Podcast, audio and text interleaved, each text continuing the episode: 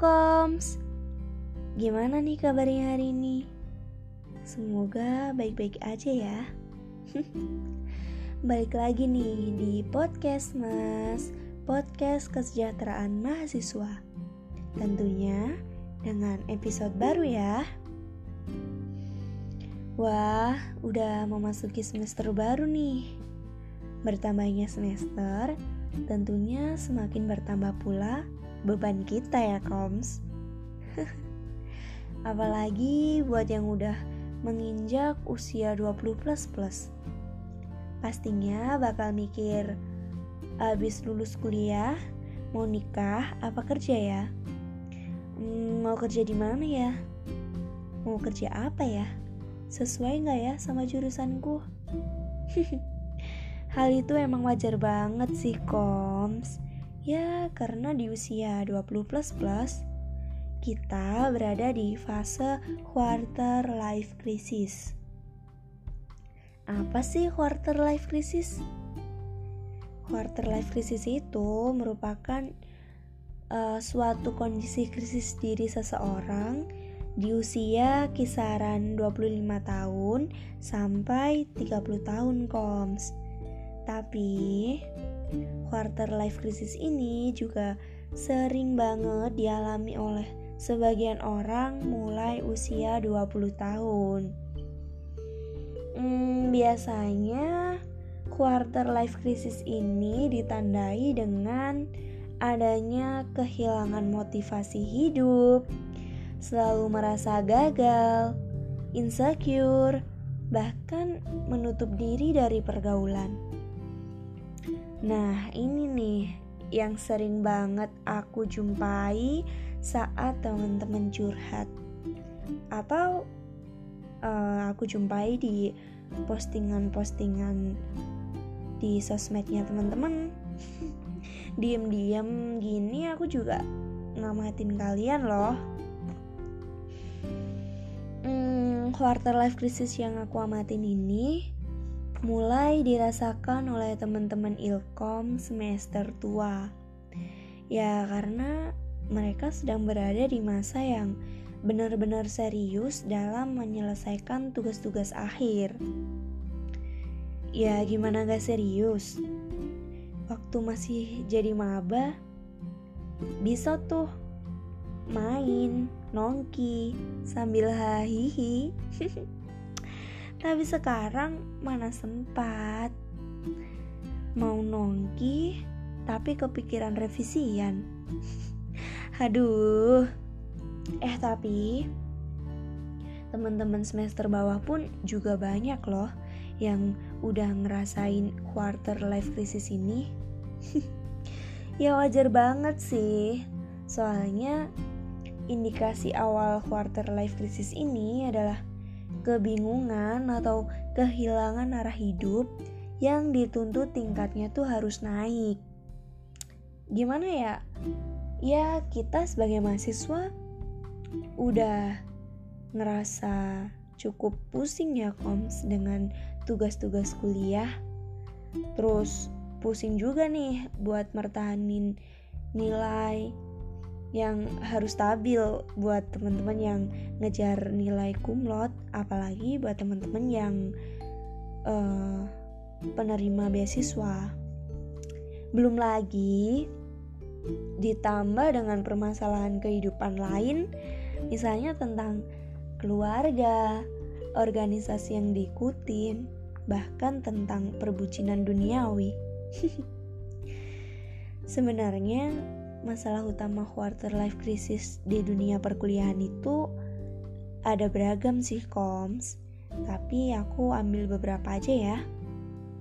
Di antaranya ada nilai IPK yang tidak sepadan circle pertemanan yang mengecil dan tugas-tugas kuliah lainnya. Uh, menurut menurut aku pribadi nih tiga itu bikin kita semakin insecure terus kayak rasa percaya diri kita tuh hilang gitu loh semakin down kayak gitu. Ya gimana ya kalau IPK IPK-nya yang nggak sepadan misal nih temenku dapat IPK di atas 3,5 dan aku di bawah 3,5 itu rasanya kayak kenapa sih aku nggak pinter kayak mereka? Kenapa sih aku bodoh banget ya kalian tuh nggak perlu insecure jalanin aja dulu ya kan ya karena uh, dunia perkuliahan itu emang tempat kita untuk memberikan nilai plus dalam diri kita sebelum bertemu dengan dunia kerja dan calon mertua. ya tapi itu tadi sih koms. Ada plus minusnya ya. Plusnya itu kita dapat nilai plus dalam diri kita.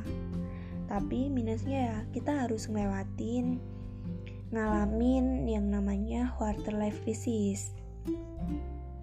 Kita harus gimana ya? Kita kayak di dituntut emang emang kita tuh kodratnya bakal ngalamin ini semua gitu loh